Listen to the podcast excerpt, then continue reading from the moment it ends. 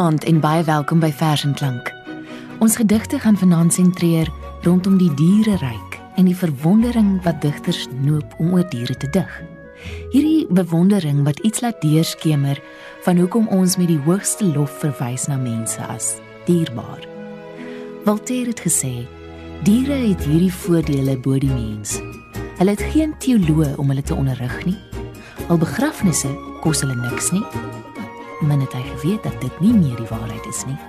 En niemand begin regsgedinge oor Ou Testamente nie. Amor Tredu is die voorleser in die ateljee. Ons begin vanaand met 'n gedig deur Auntie Krog. 'n Eland staan by 'n kuil uit haar bundel Medewete, uitgegee deur Iman en Resou. 'n Eland staan by 'n kuil. Dit is winter. Net toe ek daar verbyry, buig haar kop af na die water. Die water weerkaats die lug. Die lug puter aan die klein Karoo wolke. Ek sien skielik die oneindig littekenlose lug. Die grasvlakte onteensaamd. Ek sien die eland, die opdonkerende water en die bergreeks pruimblou skik aan sy glooiings. Ek hou stil. Die eland, die water, die vlakte, die berge brand in op my retina. Ek kan voel hoe iets in my probeer oopgaan wat soek hoe die eland, die water, die berge deel is van 'n geheue van oneindige voortglippendheid. Hoe weet hulle van mekaar? Voel die eland aan haar horings die sluipgeluide van sterre. Proe die tong vol watermolekules die pastelpunte in 'n wolk. Ruis berg ewigheid in nog hongerende halms. Geur die berg mee as eland knie klipklop boontoe klap. Sterf hulle ooit as neuwe wêrelde af van mekaar of stort keelvel en klip soomlos mekaar binne? Was die eland berg voordat sy wolk was? Was gras eens eland? Bedroef sit ek en kyk na die eland, die berg en die lug. So niks kan ek onthou van die ontniks waaruit ek kom. So niks verstaan ek van die niksheidsnoute waarheen ek op pad is. Haglik in hiernamaals flardes krap krap ek toevallende gaatjies na die groot goddelike niets. Die volgende gedig wat Amor vir ons gaan voorlees, is deur Sheila Cousins en getiteld Hande. Ek het dit gekry in die bundel Sheila Cousins Versamelde Gedigte, uitgegee deur Tafelberg. Kat slaap sy dag om, ledig in skoonheid. Is dit donker in hom of vol wewende ligte? Kom siel in kwantiteite. Muis minder as dinosourus of in varierende intensiteite afhangende van wat benut moet word, kop of klou. Morele vingers streel oor sy pels, waardeer en verskoon hom van die wette wat hulle hulself oplê. Want hande enig onder die skepsels is werktuie van 'n ander soort vir 'n siel van 'n ander soort onsterflik gefolterd gees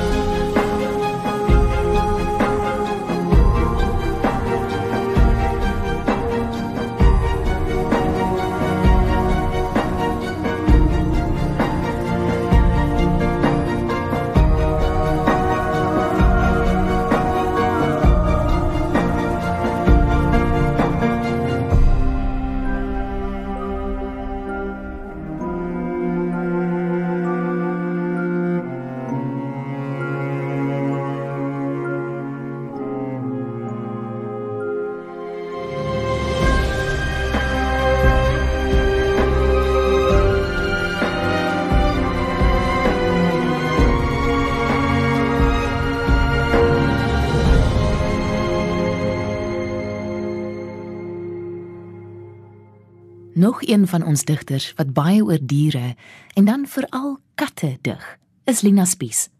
Amortredu gaan eers haar gedig Verwondering voorlees.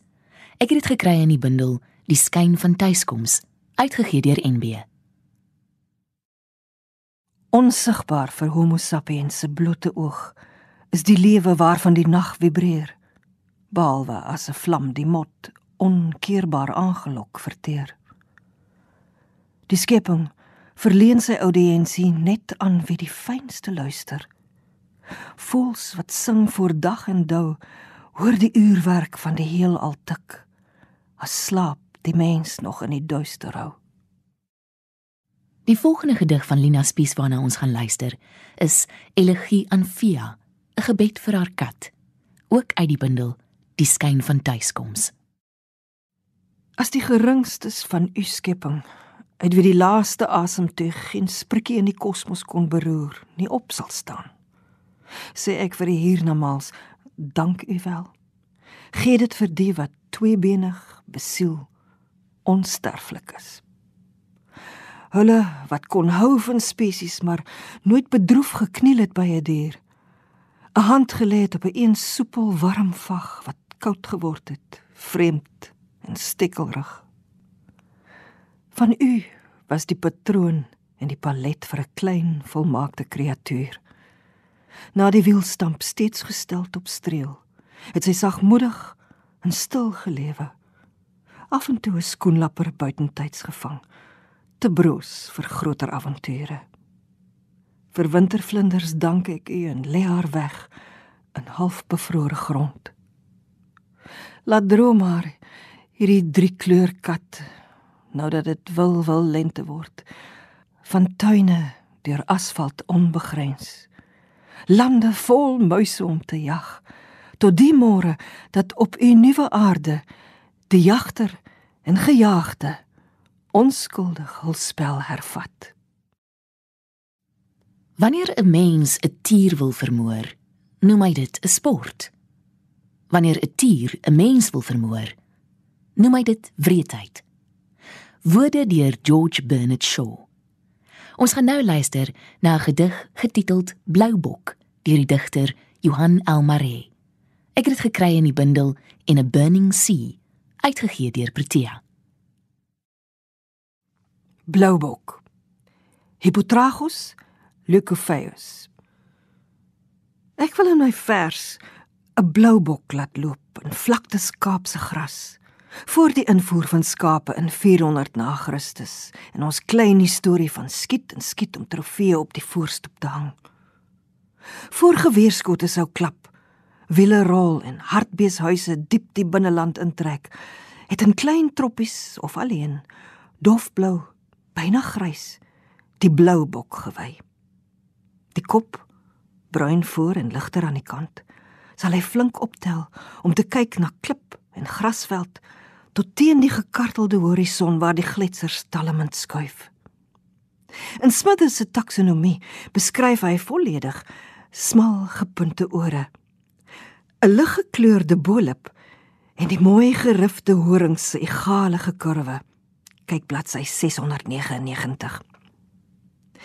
Die bene met strepe aan die voorkant en die donker stert wat by die hak hang, verdof in 'n glaskas in 'n museum dan tree hy luiters wy wy uit die tyd of hy loskom uit die gesoute vel opgestop en onsigbaar vasgenaai werkliker as uit François Levion se kwas van 1781 van die bloubok se draf oor sagte gras en sy spore oor die vlaktes bly slegs die taksidermie van die vers intak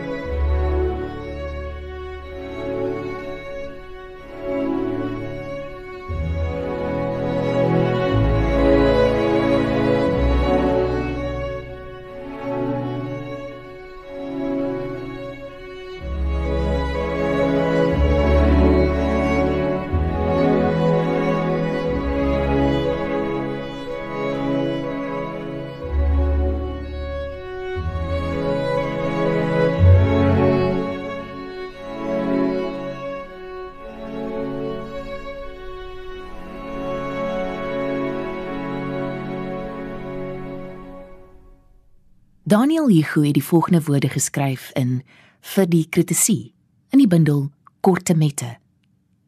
Die digter sal onvolmaak bly skryf tot daardie dag van die leeu en die lam, die kat en die duif. Kom ons luister nou na 'n gedig deur Fourie Botha uit sy bundel Krap uit die see, uitgegee deur Protea. Die gedig is getiteld Madikogo. My ma was vir die hoenders ma. Terwyl haar sussies lammersbottel gee, kyk sy agter 'n kloekende gekoek kapokke met fratterige pote. Kip, kip, kip, so Madikogo na haar stofwolk henne roep. Haar pitte die kleur van klatergoud. Sy self nie meer as 6 jaar oud. Selfs die moerige haan met sy lang spore, die oë skurf, die geswelde kam skrop al om haar voete. Later voer sy hoenderkoppe lossies vir haar kat. Maar die kat sê, was sy ook. Die gedig wat Amor Tredu volgende gaan voorlees, is getiteld Valkenier. Die digter, Juanita Lou, en dit kom uit haar bundel In die grot van die sipille, uitgegee deur Quillery, 'n druknaam van NB Uitgewers. Vroegoggend hoor ek die rooi valk roep voordat hy uitgeneem word om te jag. My broer se kamer ruik heeltyd na bloed. Vir die blou oopte wat oor sy binneoog spoel. Van die oerdors wat in sy slagaar brand, hoor ek vroegoggend die rooi valk roep. Hy beur teen die riempie aan sy voet. Die potklokkies klepper met hortende slag. My broer se kamer ruik heeltyd na bloed, swart gedroog aan kloue en getosselde hoed, aan snavel gekiep om 'n nek te knak. Vroegoggend hoor ek die rooi valk roep. Die priemklank van moer en bout te styf geskroef of 'n sperrat ratel se rammel om die skag. My broer se kamer ruik heeltyd na bloed. Ek kan dit naderhand aan my vingers proe. Sit hy ook soos die roofvol en wag. Vroegoggend hoor ek die rooi valk roep. My broer se kamer ruik heeltyd na bloed. Kom ons luister nou na die gedig Chameleon deur Corneille Coetzee. Ek het dit gekry in die bundel Nou hier, uitgegee deur Iman en Rousseau. Miskien sal ek in die vodde van 'n sabbatsmiddag sukkies na die opwas saam met die goorwater uitglip koerskies deur agterplase oor wasgoeddrade en heininge heen tot waar dit oopveld word en stil op 'n klip gaan sit. My arms kort en onhandig, my sagte skoot ontoeganklik. My hart klein en voorspelbaar. My tong ontbreidel, dodelik sekuur, slim oë op my kudde wolke gerig en roep vir reën. Miskien vanmiddag